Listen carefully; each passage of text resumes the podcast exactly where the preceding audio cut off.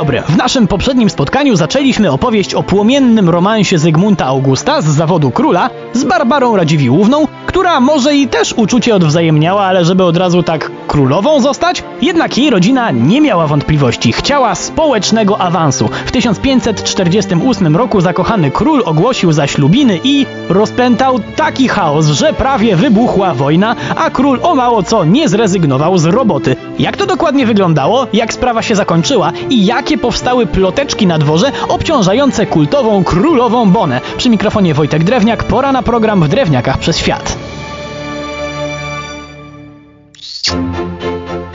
Zacznijmy od królowej Bony, ale nie będzie teraz o plotkach, a o faktach. Po ogłoszeniu zaślubin przez Zygmunta, jego matka była w absolutnym topie osób z najwyższym ciśnieniem w Europie.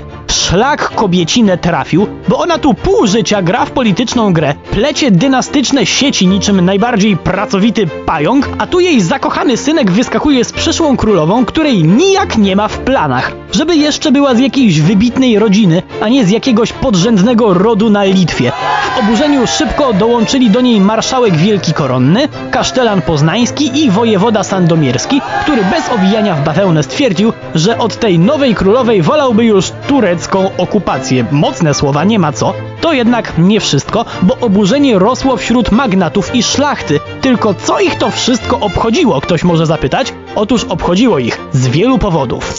Przede wszystkim zamożne rodziny bały się, że jak teraz Radziwiłłowie awansowali w hierarchii, to będą pewnie zajmowali ważne stanowiska, a co za tym idzie, oni mogą potracić swoje ciepłe posadki. Co więcej, znana z krótkowzroczności szlachta nagle doznała olśnienia i zaczęła myśleć perspektywicznie, ale tylko w pewnym zakresie. Uznali bowiem, że fakt, iż Zygmunt nie poprosił Senatu o zgodę na ślub, ani chybi oznacza, że ma zapędy absolutystyczne i może stać się niebezpieczny w przyszłości. Postanowiono więc wybić władcy z głowy małżeństwo. Zaczęto od oczerniania nowej królowej.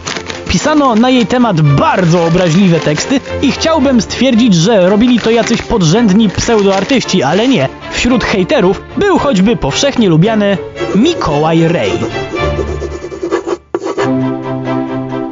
Król nie pozostał jednak sam, bo w jego małżeńskiej decyzji też wspierały go niezłe szychy. Kanclerz koronny i biskup krakowski w jednej osobie oraz również w jednej osobie hetman wielki koronny i kasztelan krakowski.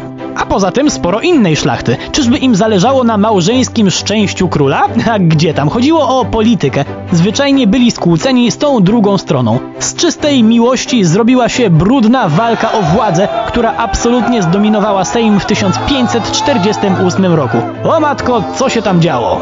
Niektórzy szlachcice mieli błagać króla na kolanach, by ten porzucił żonę. Z kolei prymas Dzierzgowski postanowił zrobić coś bardzo dziwnego. To znaczy, nie wiem, może jest taka opcja, nie znam się na prawie kanonicznym, ani tym bardziej nie wiem co Bóg na to, ale brzmi mi to podejrzanie.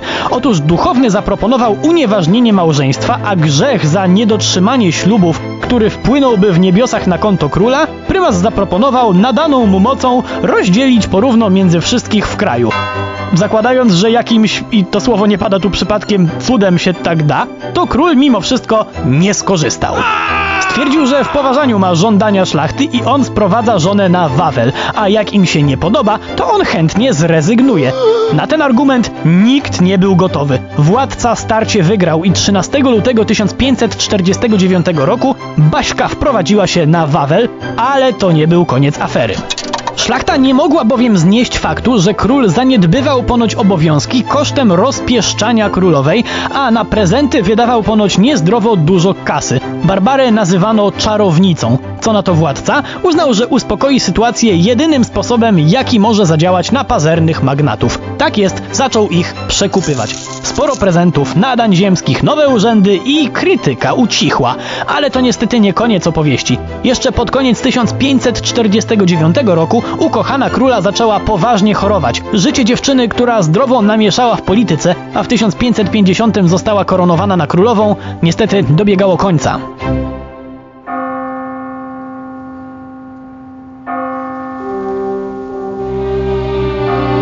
Dziewczyna potwornie schudła, czuła się fatalnie i często była w stanie tylko szeptem prosić zrozpaczonego męża, żeby pochowano ją na ukochanej Litwie, a nie w znienawidzonym Krakowie.